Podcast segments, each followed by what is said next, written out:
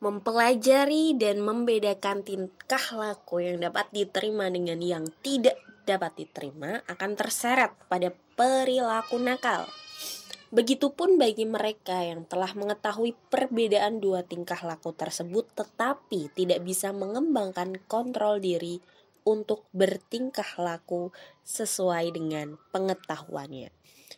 Tawuran remaja terjadi karena pelakunya merasa tidak nyaman dengan diri sendiri oleh karena bingung dengan identitas mereka, maka para remaja ini berlindung di balik sebuah identitas kelompok.